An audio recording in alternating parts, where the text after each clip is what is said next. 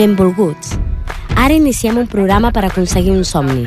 Una estona dedicada a moure'ns contra el càncer.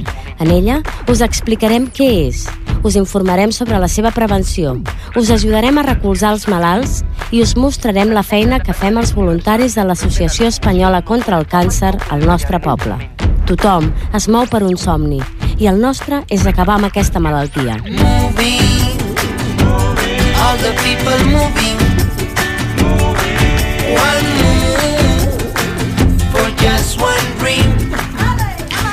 Bona tarda a tothom i benvinguts al setè programa de la tercera temporada de Movem-nos contra el càncer.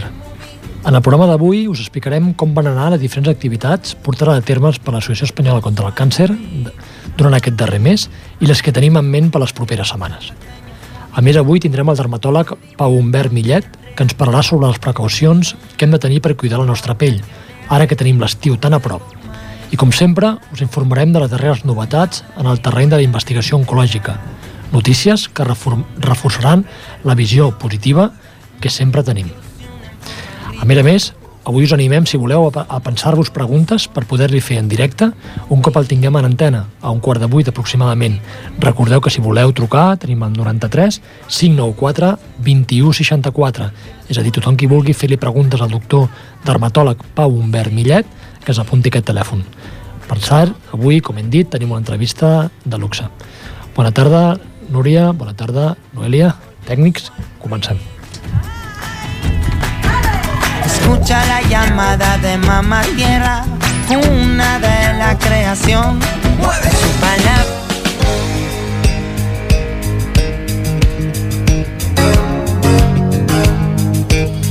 Les activitats.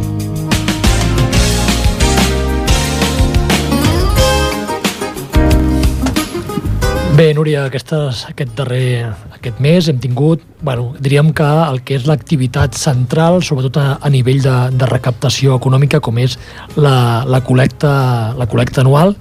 Uh, res, ens agradaria una mica que fessis uh, una mica balanç d'aquests dos dies, ens expliquessin com va anar, quina va ser la recapta que, que vam rebre i quines van ser les sensacions una mica que, que vas percebre en aquests dos dies. Doncs bé, Albert, com has dit, doncs la recapta anual aquest any, jo mm, parlant un dia amb ell, li deia, Albert, aquest any hem recollit 4.222 amb 10 i em deia, ostres, l'any passat vam recollir més diners. No, l'any passat vam recollir 3.570, hem augmentat 700 euros. La veritat que jo pensava que no recolliríem tants diners perquè el dimecres vam ser cinc voluntàries només, però bueno, mm, entre la recapta del dissabte, que vam, vam augmentar la taula als quatre cantons de Cerdanyola, amb un grup de nois voluntaris joves que han fet ara els 18, s'han apuntat ara a voler col·laborar amb nosaltres, la veritat que gràcies a ells suposo eh, que hem augmentat tants diners. I també el dimecres va venir una noia també voluntària col·laboradora d'un dia i, i també gràcies, gràcies a tots suposo, no? El que passa que clar, al, al poder ser-hi més gent podem augmentar la xifra no? Crec de, de diners És, és clau el fet de tenir quatre taules, passar cinc, i a més a més aquesta cinquena taula recordem que està en els quatre cantons, un lloc estratègics, que sobretot que venien perquè les cintes del cotxe les acabaven molt ràpid. Molt I cada ràpid. cinta era com a mínim dos euros. Per tant, aquí jo crec que van fer un paper important a augmentar una taula i a més a més col·locar en la zona estratègica que havia estat històricament i que feia un parell d'anys que havíem tret. sí. Després el que sí que he notat, així com el diumenge, el dissabte va ser uh, va estar molt bé el nombre de voluntaris, poder dimecres hem baixat una mica el nombre en relació a altres anys. Sí, hem baixat. Uh, suposo que mm, les És- persones clar, gent treballa voluntàries també, no? és també dimecres, treballen i després les senyores voluntàries col·laboradores que venien d'un dia doncs tenien els nets a dinar, els tenien que anar a recollir a l'escola i la veritat no els hi anava massa bé de venir. El que sí que podem eh, confirmar és una mica aquesta tendència dels últims dos anys a fer-ho dissabte en lloc de diumenge, que en reafirma, per tant, que, que és un bon, eh, un bon moment I per fer-la. el dissabte surt molta més gent, Albert, al carrer, el diumenge la gent es lleva tard, surt a buscar l'esmorzar tard, tot va més tard, i el dissabte doncs hi ha molta gent que surt a comprar al poble. Sobretot també bé el fet que coincideix que hi ha activitats esportives, eh, que tenim També. les escoles que fan esport, els camps de futbol, que és un bon moment per, eh, per, aquesta, per la recapta anual, que com sempre diem és, diríem, no, tenim xifres, no, és que és el, el dia que més es recapta, diríem, aquests dos dies durant l'any. Fem altres activitats, però són, si es referim al que és eh, monetàriament, és el millor dia. Sí, jo suposo que la gent, hi ha gent de tot, no? Però hi ha gent que no fa falta que vagis la que vol et ve per si sol, dona'm una cinta pel cotxe, que aquest color no la tinc, les tinc totes, em falta aquesta i després doncs hi ha gent, hi ha gent per tot, Albert, bueno, ja ho vam veure, que hi ha gent reàcia, no? que el món doncs, està obert per tothom i no significa que tinguin que venir a col·laborar si no volen col·laborar. Algú se'ns queixava una mica que a vegades que, clar, que, que s'acumulen tot en poc temps, perquè tenim Sant Jordi i la Rambla i després tenim la col·lecta anual el mes de maig i el mes d'abril, però això no, no decidim nosaltres, sinó que ve Sant Jordi és quan és i la col·lecta és el mes de maig, que és quan la Junta Central ens ho diu. Recordem que nosaltres som simplement com una la, la Junta és Barcelona i nosaltres som una, una junta local que col·laborem una mica, anem a partir de les directrius que venen estipulades des de Barcelona. Per tant, que sigui el mes de maig i no el novembre no és perquè sí, sinó perquè es dona aquest marge del mes, però organitzem Uh, normalment sempre tradicionalment a principis de I després, de Albert, de ja fins a l'octubre que no és càncer de mama, ja no tornem a fer recollida No, perquè recordem una mica que la nostra funció també no és únicament de, de recolecta, perquè com explicarem més endavant, al mes de juny tenim el tema de, lo de tant el càncer de pell com el càncer de pulmó, que bàsicament el que fem és informar, informar. i com prevenir. Aquí a aquest moment podem tenir una guardiola però és totalment, la intenció nostra no és de recaptar diners, sinó simplement d'una funció important que és la d'informar de com prevenir aquests càncers que ja sabem que, que es poden prevenir. Doncs sí. Mm? Per tant, eh, és això una mica, agrair de nou la, al poble de Ripollet la seva, la seva col·laboració. Eh, també vam veure oi, que cap a més cap al migdia la gent per nombre de, de persones col·laborava més a partir de les 12, quart de dues i ja està, i com sempre remarco que tot això no és simplement és fer-ho, però ara ja darrere hi ha una feina, perquè Núria, un cop acabem el dissabte al migdia la col·lecta, quins són els següents passos? Què fem l'associació? Doncs l'associació, una vegada acabem dissabte al migdia, vam baixar a casa d'una voluntària col·laboradora també de la Junta, i res, obrim totes les guardioles, no ho fa una, una persona sola, sinó em sembla que vam ser 7 o 8 a recollir i a, i a fer el recompte de diners i després ens vam tornar a reunir per fer el, el recompte de dimecres. Un cop s'ha fet el recompte, s'ha d'anar a la caixa, que tenim un número de compte específic que s'ha d'ingressar a l'ACC de Barcelona, i una vegada està ingressat, Barcelona et dona l'OK, conforme han rebut aquests diners, i després ja passa en mans d'ells on, igualment... van el destina, on va la destinació d'aquests diners val després el comprovant també s'arxiva hi ha una tot, memòria tot. anual que s'acaba que es presenta per rebre després la subvenció de l'Ajuntament i entregar a Barcelona per tant amb això vull demostrar que, que és entitat transparent eh? que a vegades tant. la gent quan, quan també igual tampoc dona més perquè pensa que aquests diners on van no? Clar, pensen que no va parar on té que anar sí. a parar però jo els hi comento i els hi, quan venien a la Guardiola amb algunes persones que tens més confiança, doncs que no, que això va parar on té que anar a parar, que un cop a l'any està obert al públic, ho fan en un hotel a Barcelona, que, que hi pot anar la persona que ens està escoltant ara per la ràdio, una persona que sigui voluntària, una persona que no tingui res a veure amb l'associació. I ja veuen que, cada, que hi ha uns, una sèrie de projectes que els metges presenten i que després atorguen, ho veiem, doncs, 1.000 euros, sí. 2.000 o 5.000 euros per l'Hospital de Bellvitge per investigació sobre tal. I tu ho veus com s'entrega el xec. I tot això és que el poble ho ha donat. Recordem que el 20% de la investigació ve del poble, ve de Catalunya ah. contra el càncer. Després les entitats fan el que ells volen. Ara, però... per exemple, estan organitzant unes colònies per germans de nens que estan patint la malaltia del càncer i aquestes colònies són gratuïtes. són gratuïtes. O sigui, això qui ho paga? Doncs els diners que s'han posat a la Guardiola. Aquests diners es, mm, es fan servir per una sèrie de coses. Entre d'altres, sí, recordem eh, que, no sé, els, el, és el mes de juny, juliol, sí. que totes les persones, no els nens malalts, remarquem, sinó no, els germans, no, els que, germans. Poden, que pateixen la malaltia, doncs eh, que et truquin també a Barcelona, que es truquin a nosaltres i els posarem en contacte de com ho han de fer per anar a aquestes, a aquestes colònies. Sabem on són aquest any? No. No, crec que són a Catalunya sí. i són uns dies que bueno, es posen en contacte i, i simplement uh, s'hi pot anar i els nens ho passen bé i per, una, per uns moments, per uns dies, diríem que uh, s'aparten una mica del que és la pressió de la malaltia. I això que els diners d'on venen? Doncs venen de la col·lecta nostra i d'altres municipis. Sí. I el fet aquest que es pugui anar a l'hotel i veure com tu personalment entreguen aquest xec ens dona una confiança que per això nosaltres eh, diríem que col·laborem perquè, perquè ho veiem i ho veiem clar, i després quan volem organitzar qualsevol cosa ja sabeu que ve, ve la persona, encarrega, vull dir que és un procés llarg però que s'entén sobretot amb la desconfiança que aixequen eh, algunes ONG o algunes entitats. Doncs res, crec que ens veiem amb obligació no únicament de dir la xifra recaptada, recordeu 4.222 en 10 cèntims, sinó també recordar on van a parar aquests diners. Si algú vol més informació, doncs ja ho sap, que simplement pot venir cada dilluns de 10 a 12 en el Centre Cultural on li explicarem una miqueta eh, bueno, tot, el, tot el que sabem de la nostra entitat i sobretot a on es pot dirigir en cas de, de necessitat.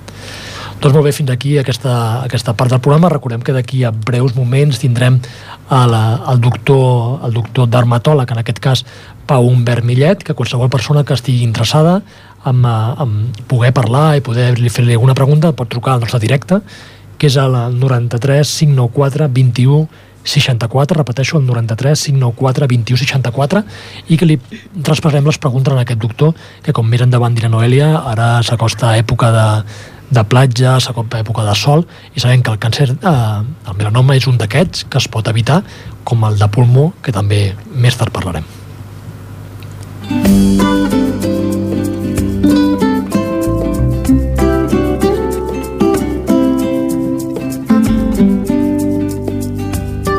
L'entrevista.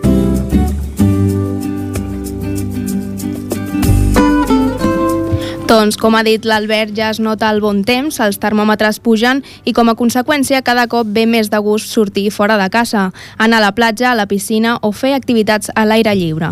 Per això, en el programa d'avui hem considerat oportú parlar sobre la importància de protegir-nos del sol per evitar el càncer de pell. Contem aquesta tarda amb el professor Pau Humbert, del Servei de Dermatologia de l'Hospital Universitari Sagrat Cor i també director de l'Institut Pau Humbert de Dermatologia Clínica Coratxan. Bona tarda, doctor Humbert. Bona tarda, Noelia. Està conscienciada la gent quan s'exposa al sol sense protecció sobre el risc que té de patir un càncer? Home, jo penso que, que sí, però nosaltres, jo personalment, els dic, escolti, tampoc hem de tindre allò terror al sol, perquè el sol és meravellós, el que no pot posar-se és vermella. I depèn del tipus de pell, depèn la genètica, depèn l'edat, pots anar matitzant. L'important és no ser absolut i dir blanc, blanc i negre, sinó que s'ha de saber donar una informació acurada i exacta, no? Però efectivament, el sol no hi ha cap dubte que a la llarga va sumant, va sumant, i en algunes d'això provoca pues, carcinomes escamosos i melanomes. El càncer de pell es pot manifestar en persones de totes les edats i tipus de pells o hi ha persones més exposades al risc? Bueno, efectivament, a les edats poden aparèixer generalment a persones grans, no? Però vull dir que veiem carcinomes vasocel·lularis en gent jove, perquè moltes vegades inclús eh, hi ha un factor genètic a darrere d'això, no? I veiem també melanomes excepcionalment amb nens, però al munt de 8 o 10 anys. Es diu un melanoma amb un nen petit, d'entrada no és melanoma, eh? perquè ja es discuteix, es dubta molt, són casos únics i excepcionals. I el melanoma i els carcinomes aquests efectivament eh, poden aparèixer en qualsevol edat, però precisament és a partir dels 40, 50, 60, 70 anys. No? Però tinguin en compte que nosaltres, en el departament i en la meva institució, jo veig al redor de 836 casos entre els meus col·laboradors i per tant hi ha molts tipus i es té que matitzar molt bé. No? El melanoma és el càncer de pell més perillós i el que té més risc de mortalitat, però si es detecta aviat pot tenir cura. Com Exacte. podem saber si el tenim? Com es manifesta? Bueno, el melanoma, eh, hem, hem fet programes eh, durant els dermatòlegs. Primer de tot, la gent, i això és fantàstic, està conscienciada. És dir, la gent ja sap el que és el melanoma. Fa uns anys parlaves del melanoma no sabien de què es tractava, no? Per tant, és una lesió, una piga, que quasi sempre és de color, però també hi ha melanomes que es poden confondre, per exemple, una berruga al dit es pot, pot ser un melanoma cròmic, no? Però generalment és una taca més d'un mig, mil·límetre i mig que va creixent, que va augmentant de volum. Però actualment el diagnòstic està tan precoç que estem diagnosticant melanomes in situ molt petitets perquè ara els dermatòlegs utilitzem una làmpara que es diu la periluminescència, que anar mirant té unes característiques eh, de morfologia que fa quasi que el diagnòstic sigui molt sospitós. Malgrat això, el diagnòstic ve dalt per la biòpsia i per l'estudi histopatològic. I inclús això a vegades pot ser difícil. Però contestant la teva pregunta i ser pràctics, la gent que s'escolta, el primer que han de fer els que s'escolten fer aquesta nit una revisió a la seva parella, dona, home, mirar si hi ha una, una taca fosca que, que no s'alarmi, que el 99% serà una queratosi, serà una altra cosa, però que ha de consultar el dermatòleg, perquè el tot vindrà, en cas de que fos un melanoma, que si el diagnòstic és tardà, el problema és que moltes vegades se'ns escapen de les mans i té mortalitat i a vegades tampoc tenim cura del tipus de crema que, que utilitzem. Ara que s'apropa el, el bon temps i moltes persones ja estan pensant en comprar-ne en comprar una, en què hem de fixar-nos quan anem a comprar una crema solar? Bueno, depèn del rato, perquè en realitat per uh, un filtre solar el que fa és multiplicar. Per exemple, quan diu 15, és un filtre que pots estar 15 temps més estant al sol, si és 40 o 50. Tot la gent ja tira ben amunt, per amunt de 50, no? Però el que és important és aplicar-lo just abans de sortir aplicar-lo cada dues hores, que la quantitat que s'aplica sigui la suficient, perquè moltes persones es queden curtes. I sobretot, el més important és el sentit comú. Si un va a la platja i resulta que el dia següent s'ha posat vermell és que ho ha fet malament. Ho ha fet malament perquè ha estat més temps del que tenia que estar i segon que el filtre no se l'ha aplicat bé.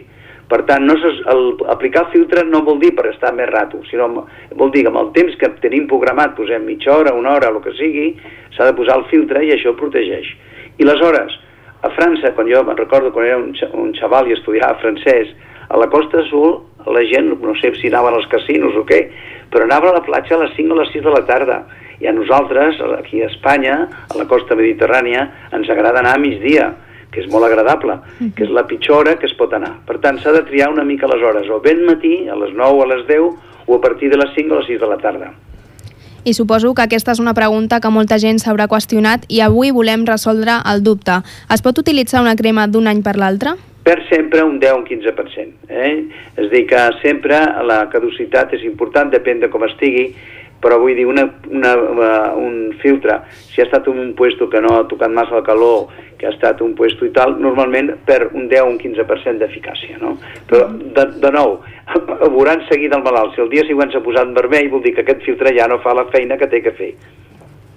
I el melanoma pot ser hereditari, però com es pot reduir el risc? Primer de tot, eh, quan nosaltres veiem malalts amb moltes pigues, que té més de 20 pigues, el primer que fem de tot és informar-li que té més risc, no? Doncs i ara tenim procediments que digitalitzar, fotografiem totes les pigues, però sobretot, els, eh, i això cada, cada any o cada sis mesos es mira i es controla amb pacients que tenen risc.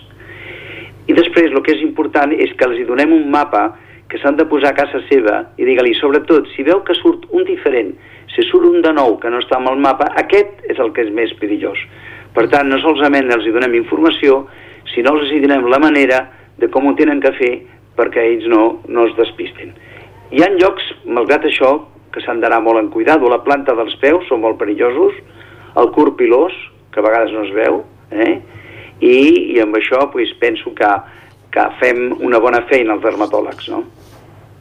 I cada vegada són més els salons de bellesa que ofereixen prendre el sol a través dels llits de bronzejats. Bueno, això jo fa 30 i pico d'anys, perquè ja fa uns anys que em dedico a aquesta professió, i vaig ser el primer a Espanya a dir que això era un disbarat, eh, ja ho vam dir. Entonces va haver una mica de polèmica perquè havia uns interessos creats amb, amb les cases de làmperes, no? Uh -huh. Això és el pitjor que es pot fer, perquè a part d'això envelleix. És dir, els ultravioletes A el que fa és no cremen la pell, que poses moreno, que és un moreno fals, el que fa és envellir la pell, perquè el coixí de la pell es resseca. Per tant, sumament contraindicat, i ara hi ha casos, ja han passat molts anys, en què es demostra que la gent que pren, que són aquesta fòbia o aquesta mania pels ultravioletes, doncs tenen més melanomes que altres, no?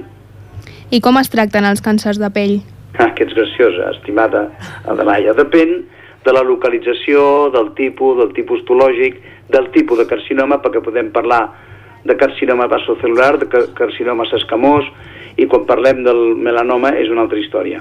Per tant, el que és important és la, la, el treure'l bé, eh, treure el tumor completament, no? Mm -hmm. depèn, no és el mateix un tumor, per exemple, que ja ha sigut recidivant que un que ha sortit per primera vegada.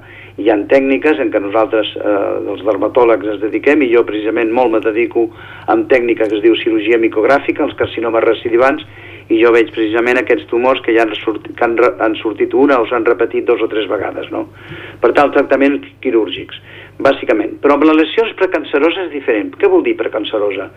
Potser és un term dolent, perquè és blanc o és negre, no? això de precant, però és pràctic de cara als oients. És una lesió que té moltes possibilitats de devenir amb un tumor maligne, que ja ho és, però que pot ser molt més agressiu. Amb això avui tenim tractaments immunomoduladors, tenim tractaments fotodinàmics, eh, tenim criocirurgia, és dir, que tenim 10 o 12 opcions i precisament a l'art del metge és saber triar en cada malalt què és el més idoni i què és el més correcte. Repeteixo, la, amb els passos avançats, el 99% dels tumors els curem i quan hi ha casos que recidiven s'ha d'anar a un centre hospitalari, a un centre d'experts perquè puguin fer i que no caure el mateix error tornar a operar el mateix d'això és un disbarat, no? S'ha de fer tècniques diferents per no caure en el mateix problema. I si tenim una pica, quins són els símptomes que hem de tenir pa, en compte? La simetria, el color... Bueno, això, ja, això és efectivament, però hi ha melanomes, estimada meva, que l'únic que fa una mica de volum no fa simetria, van cap a, cap a dins. Però bàsicament el que tu dius, la simetria, canvi de color, de forma, això és un signe sospitós. Per això fem la, la, la, digitalitzem la lesió, perquè comparem una, per exemple, si veiem que hi ha una piga que no ens agrada, al cap d'un mes o dos mesos digitalitzem, i amb aquest sistema informàtic podem veure si hi ha un canvi, tot la traiem en seguida. Perquè no hem de caure amb el perill que abans feien els dermatòlegs. Piga que havia, exèricis, d'això. Per tant, fèiem una overtreatment, que es diu, masses tractament innecessaris. El punt i la mesura ho dona el dermatòleg amb la seva coneixença i la seva experiència. Mm -hmm. I, bueno, a partir de la seva experiència, eh, en nombre de casos diagnosticats el passat 2014, que ens pots explicar? Bueno, això m'ho havies demanat i aquí ho tinc davant el paper, m'ho donat la meva secretària. De carcinomes hem vist 825, de queratocantomes 20, de melanomes, això és el més important, 70 i pico l'any passat, però ara aquest any, que portem, doblem el número de casos. I la fa 15 dies em vaig quedar eh, gelat de veure que en un dia vaig diagnosticar, perquè sóc patòleg, també analitzo, no? Vaig mm -hmm. diagnosticar histològicament vaig set casos de melanoma, que això no m'havia passat a ma vida. I això que dic jo és una cosa que ja mundialment coneguda. El número de melanomes s'està multiplicant i degut a que tenim mitjans de diagnòstic i degut sobretot de que eh, als mitjans d'informació la gent té major formació i la gent acudeix més ràpid al metge. I els dermatòlegs cada vegada doncs, fan una feina molt acurada i uns diagnòstics molt precisos. Molt bé, i ja per acabar, quins són els errors més freqüents en oncologia? Mira, els errors més freqüents, perquè normalment jo doncs, veig aquests casos, no?, que em ve, mira, tinc aquest anàlisi i tal, és la correlació clínico-patològica. L'altre dia va vindre una pacienta, m'operen demà, li miro, però si no té, no té res. Mira, a vegades un anàlisi pot ser enganyós.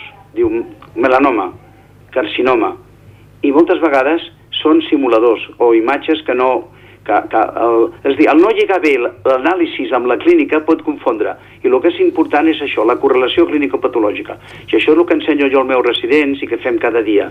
És dir, mirar, veure la clínica i veure a la histologia. I a vegades, sorprenentment té més importància les dades clíniques que histològiques. Jo a vegades alguna biòpsia dic, és benigna però el dermatòleg dic, és que té mal aspecte ho miro, dic, pues noi, tens raó per tant, el pes del clínic amb experiència a vegades és més important que un anàlisi. En resum, que els anàlisis a vegades poden enredar i lo important és lligar una cosa amb l'altra. Mm -hmm.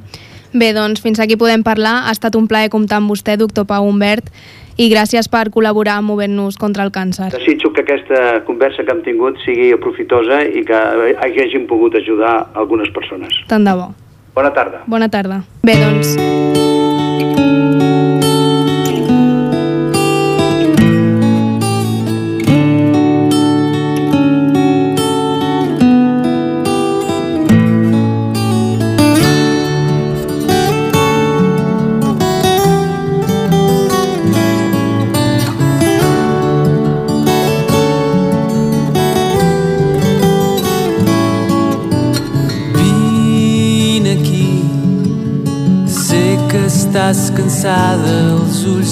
fan petits.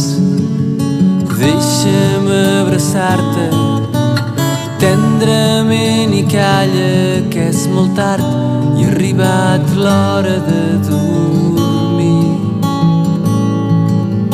Posa el cap a la meva falda i deix la meva mà expulsar els fantasmes que t'amoïnen i t'espanten. Tanca els ulls que jo et vigilo des d'aquí. Dorm tranquil·la i digue'm bona nit. Deix que et porti en braços fins al llit. Geu ben vora Que no estàs sola mentre tinc a cau d'orella vora nit.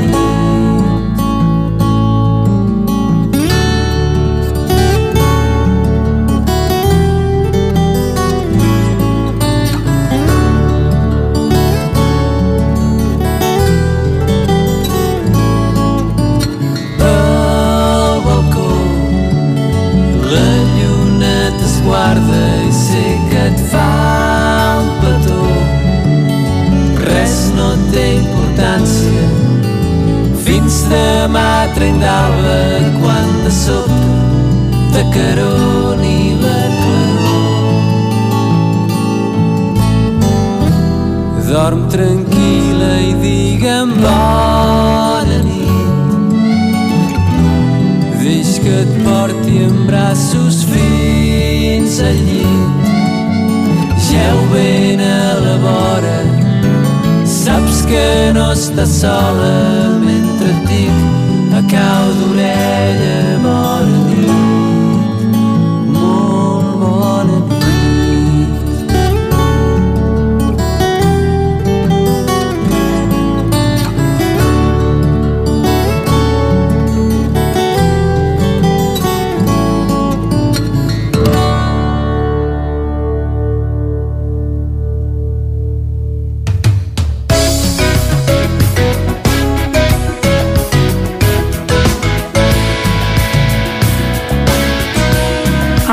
Monogràfic.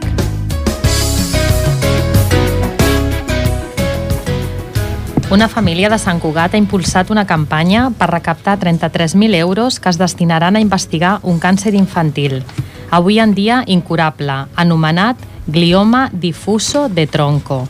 El projecte s'anomena Todo borrado y bien controlado i està tenint un notable èxit gràcies a les xarxes socials. El nom d'aquesta iniciativa fa referència a la frase que pronunciava la filla d'aquesta família abans d'entrar a les sessions de quimioteràpia o al prendre la medicació. Laia, de 11 anys, va morir el passat mes de febrer després de lluitar 26 mesos contra aquesta malaltia. En concret, els diners recaptats es destinaran a comprar els aparells que serveixen per investigar aquests tipus de càncer, que es localitza a la zona més profunda del cervell. Aquests aparells es donaran a l'Hospital de Sant Joan de Déu, on ja s'investiga la malaltia i on va ser tractada Laia. El seu pare ha explicat que aquesta, amb aquesta iniciativa demanen la solidaritat de la gent perquè segueixi investigant.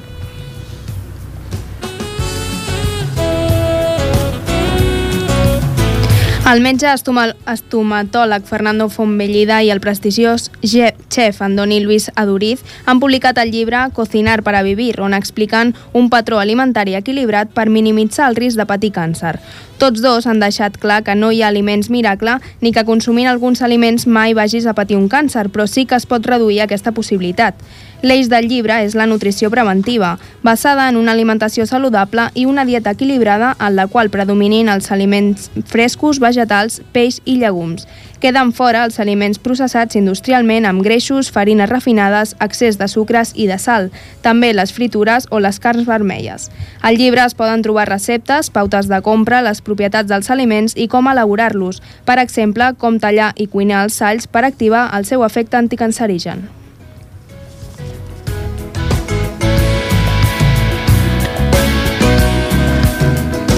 Un assaig internacional liderat per l'Hospital Vall d'Hebron de Barcelona ha demostrat que la combinació de dos fàrmacs redueix el càncer de colon avançat en el 67% dels casos. Es tracta d'una barreja de dos anticossos dirigits contra una mateixa proteïna i que redueix els tumors que ja no responen al tractament convencional. A la investigació han participat 62 pacients en càncer de colon, 20 d'ells en tumors sòlids. Amb el temps, alguns malalts no responen a les teràpies i, per tant, tenen poques opcions terapèutiques. Poden desenvolupar resistències per, per molts motius, com per exemple mutacions de proteïnes o sobreexposició al mateix fàrmac. Per això és necessari investigar nous tractaments. Des de l'Institut Oncològic de la Vall d'Hebron expliquen que es tracta d'un avanç important perquè és la primera vegada que s'ha demostrat que en aquesta fase tan avançada del càncer de colon es pot millorar. Això vol dir que els metges poden tenir més temps per controlar aquest tipus de càncer. Càncer de colon, recordem que és el segon tipus de càncer més comú en el món i es calcula que cada any es produeixen 1,36 milions de nous casos.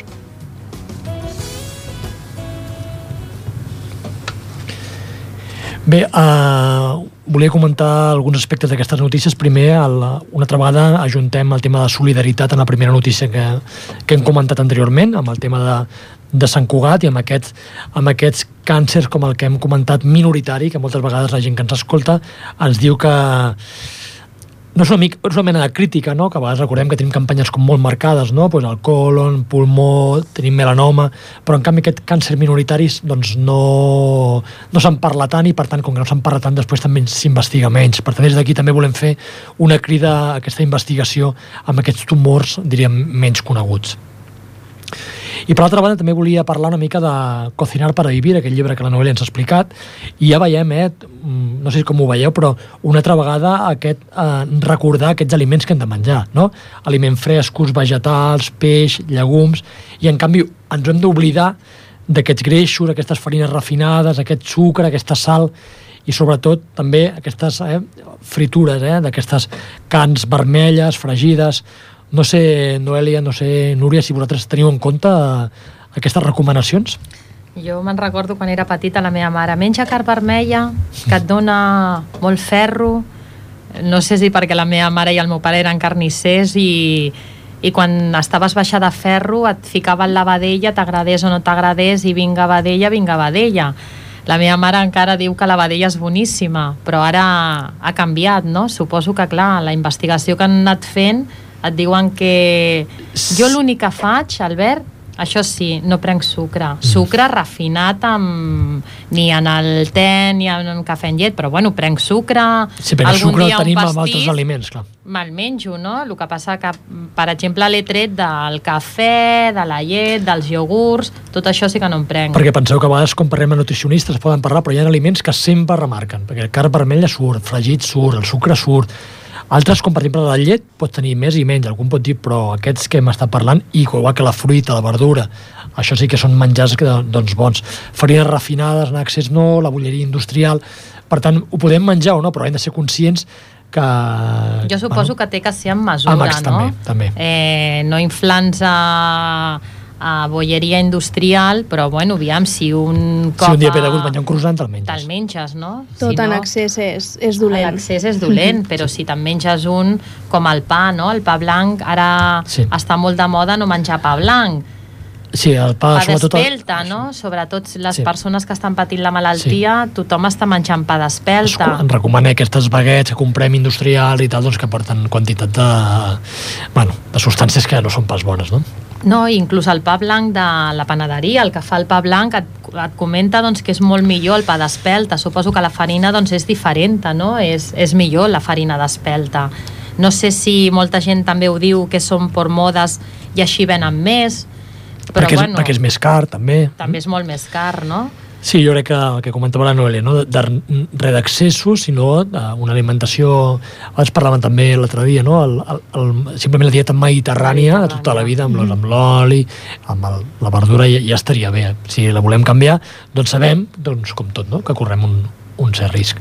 Doncs res, recomanem també aquest llibre de Cocina para, Cocinar para Vivir, que és un llibre on ens dona receptes d'aquestes cargades d'aliments anticancerígens. Mm? Doncs molt bé, fins aquí aquesta part de, del programa que parlem de notícies que, com veieu, dia rere dia, programa rere programa, ens parlem de coses que ens animen a seguir lluitant. L'agenda.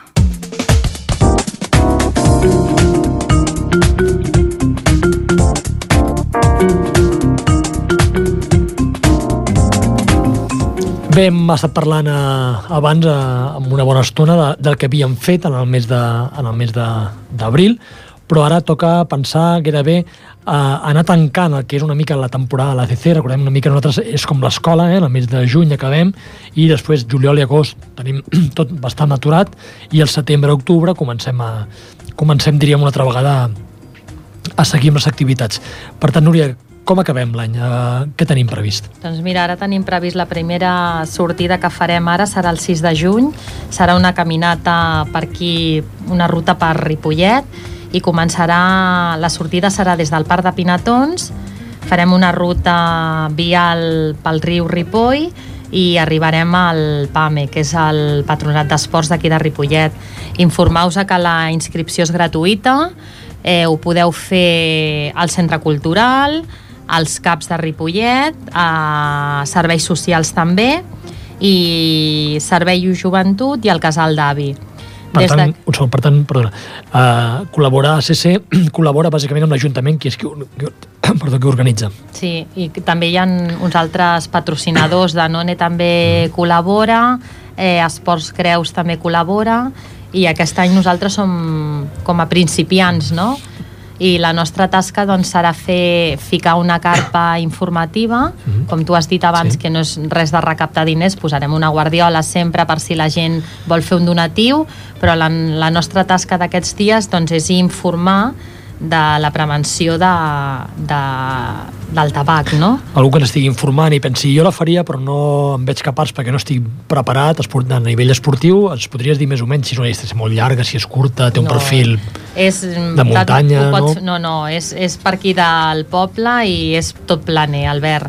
I ho fan, pot fer un nen de 5 o 6 anys i a la vida 80 que va al metge i ha deixat de fumar i I l'any passat molta gent gran la va fer. Eh? Saps si té algun peu d'inscripció? Hi ha algun preu que s'ha de pagar? No el és preu totalment és, gratuïta? És totalment gratuïta, la inscripció és gratuïta, ho patrocina també l'Ajuntament, com tu has dit, i des d'aquí, doncs, res, si algú ens està escoltant i no la FEDA, eh, és roba còmoda i calçat còmode també, que no vinguin amb sabates ni amb xancles, sobretot el calçat lligat, bamba esportiva i protecció solar, sobretot Clar, també. Hi, hi haurà algun tipus d'avituallament? No saps si donen Sí, aigua? hi haurà un avituallament que donaran una peça de fruita, danone, algun danacol o actimel i també aigua.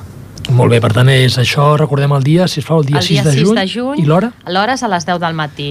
Estarem uns 10 minuts escalfant, va dir una noia d'aquí de l'Ajuntament que van venir unes enfermeres també, que elles també estaran per si algú necessita l'ajut, la Creu Roja també hi serà, i farem res, 10 minuts d'escalfament, 10 minutets, i si algú no s'inscriu abans del dia 4 de juny, el mateix dia també es podrà inscriure. El que passa que, clar, ens va millor que les inscripcions estiguin fetes. On les hem de fer?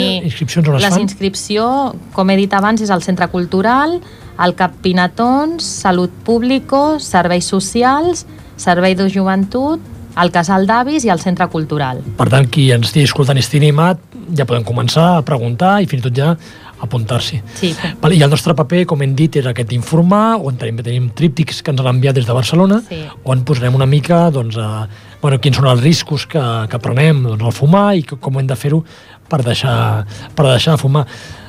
Uh, Catalunya contra el càncer anteriorment, fa uns anys, feia també una campanya, diríem, uns, una, una mica de teràpia per la gent que fumava per intentar deixar de fumar. Això era un projecte que tenim previst per fer, per tant seria un bon dia també per la gent que vingui a la parada i si vol, doncs que ens ho demani. Si tenim un mínim de persones, podem demanar a Barcelona aquest curs per, per ajudar la gent a deixar de fumar. Per tant, també us ho comento que si algú està interessat en aquestes teràpies, doncs que ens ho comuniqui, ja sigui eh, personalment a nosaltres, el dia aquest, el dissabte dia 6 de juny, o que ens truqui o que ens ho diguin. Si tenim un mínim de gent, la ACC Barcelona ens, ens farà un curs, diríem, de desintoxicació del tabac. Eh? Per tant, seria important que la gent vol, ja fa 4 o 5 anys que no es fa, però si volem ens apuntem, doncs ho podem demanar i ho podem, ho podem, ho podem fer. Bé. Per tant, tenim ja aquest dia 6 de juny com a, com a dia eh, per fer-ho.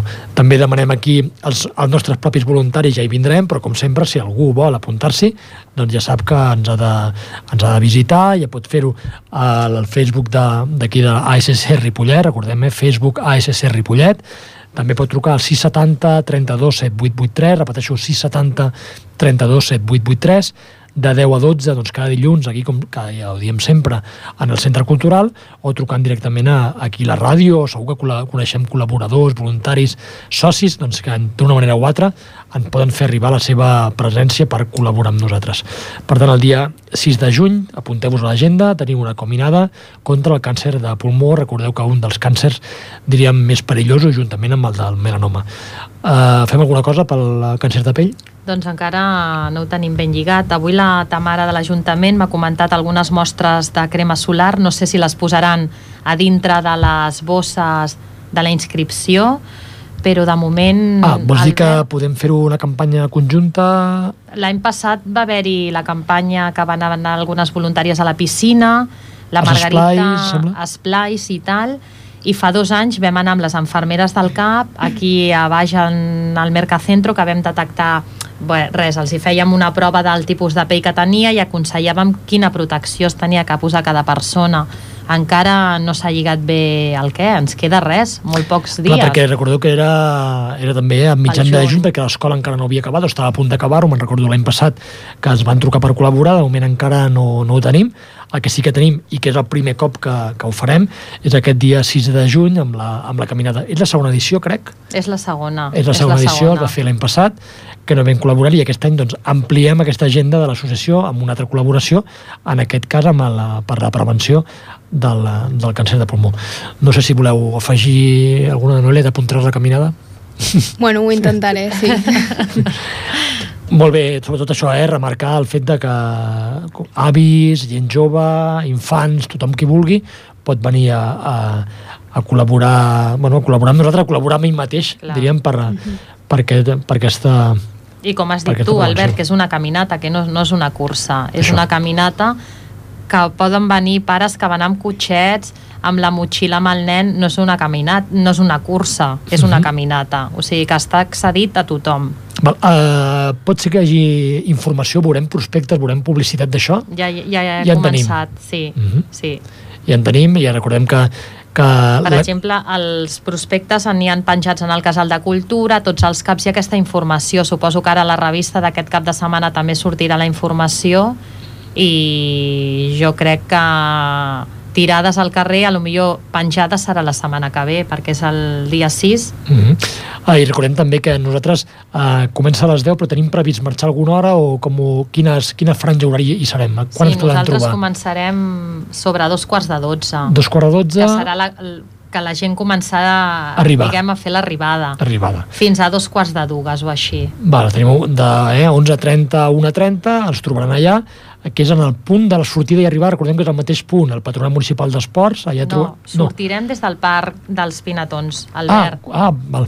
Les sortides del parc de Pinatons farem la ruta via el riu Ripoll Sí. amunt i acabarem al PAME. O sigui, que la sortida no és des del PAME, és des del parc, des del parc dels Pinatons. Val, per tant, encara, si visualitzem, encara millor, perquè encara és baixada i pla. Per tant, la gent que, que vulgui, no és al revés, per tant, és No. una, una caminada mm, És ben con- planera. de conscienciació més que de...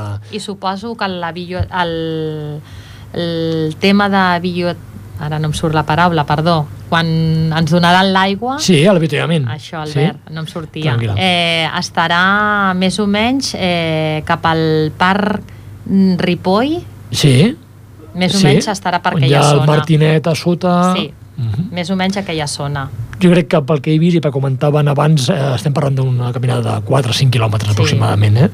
Per tant, eh, és això des d'aquí ens, eh, ens, eh, bueno, us animem a participar en aquesta caminada on a part de fer esport doncs mirem, eh, us podrem informar del tema de la prevenció i també, si voleu, també podrem tríptics de si algú vol fer-se soci, voluntari, col·laborador, recordem les tres, els tres graus de nivell, eh? el soci és aquella persona que paga per col·laborar, el col·laborador només ve un dia i el voluntari és, bueno, com nosaltres que venim durant tot l'any amb, amb, amb llocs i amb dies i en dies concrets.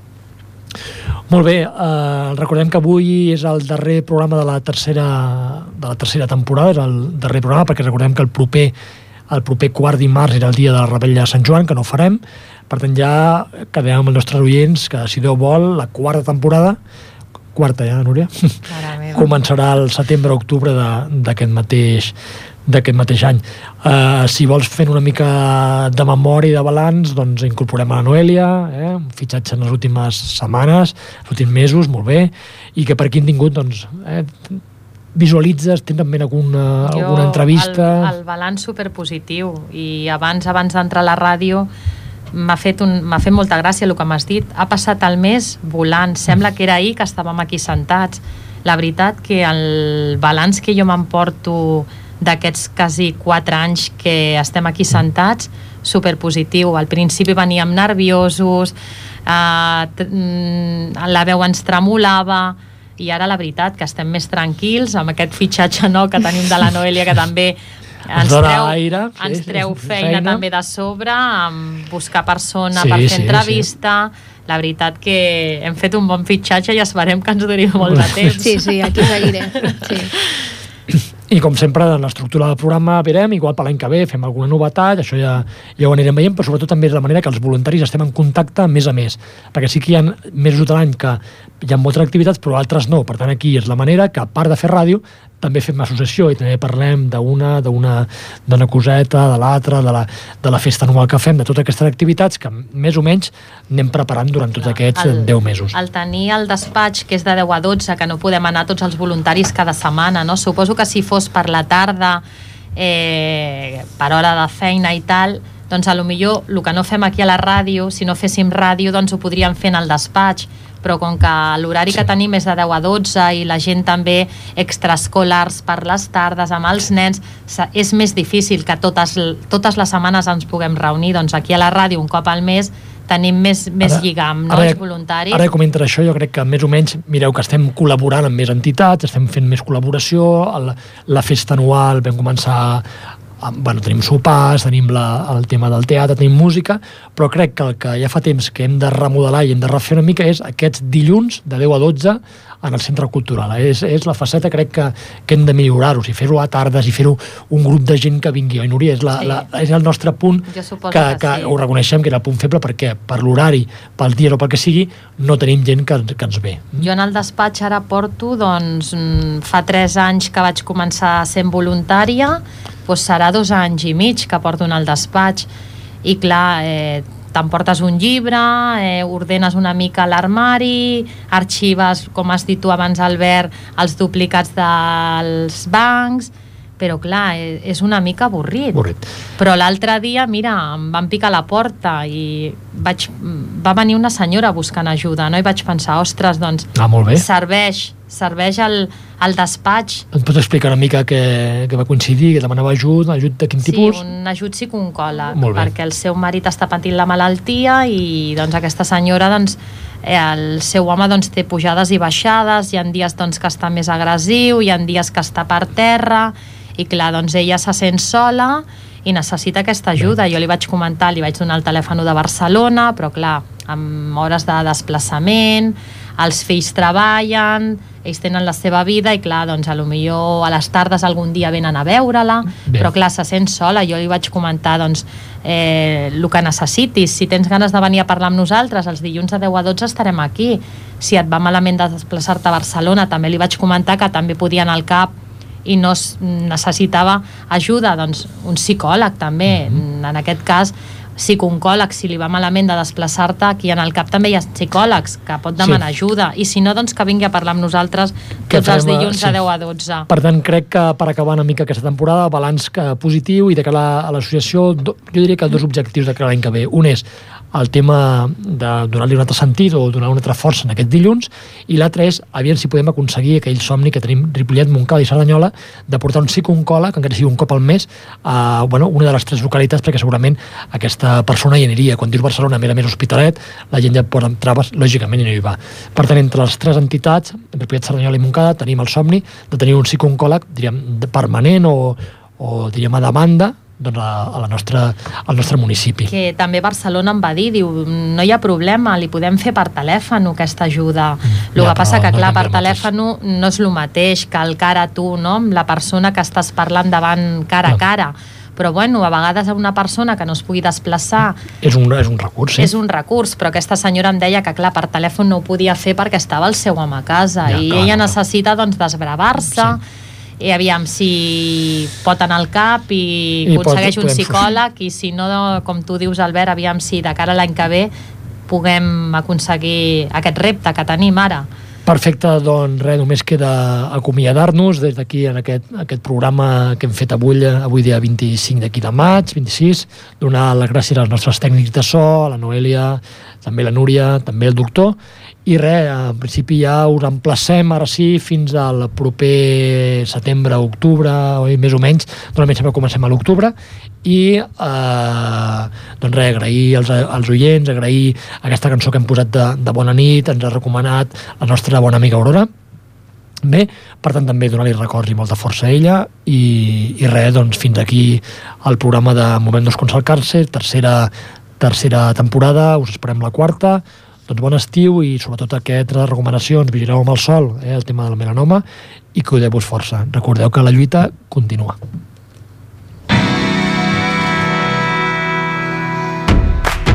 La, la- la- la ley universal de, de la locomoción no puede, no puede fallar en este momento.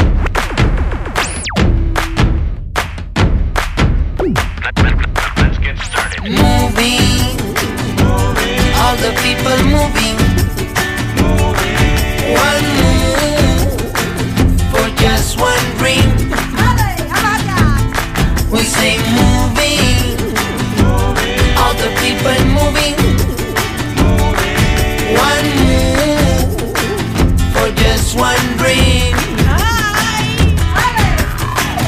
De pequeños movimientos, movimientos en reacción.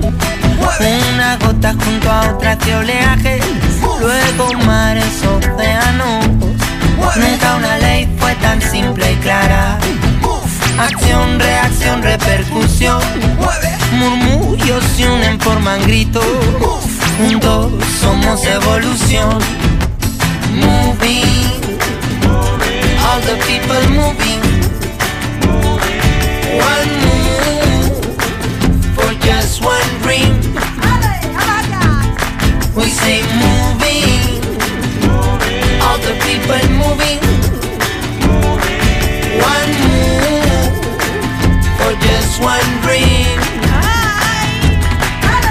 Escucha la llamada de mamá tierra, una de la creación. Su palabra es nuestra palabra, su quejío es nuestra voz. Si en lo pequeño está la fuerza, si hacia lo simple anda la destreza. Volver al ori que no es retroceder, quizás andar hacia el saber. Moving, all the people moving. One move for just one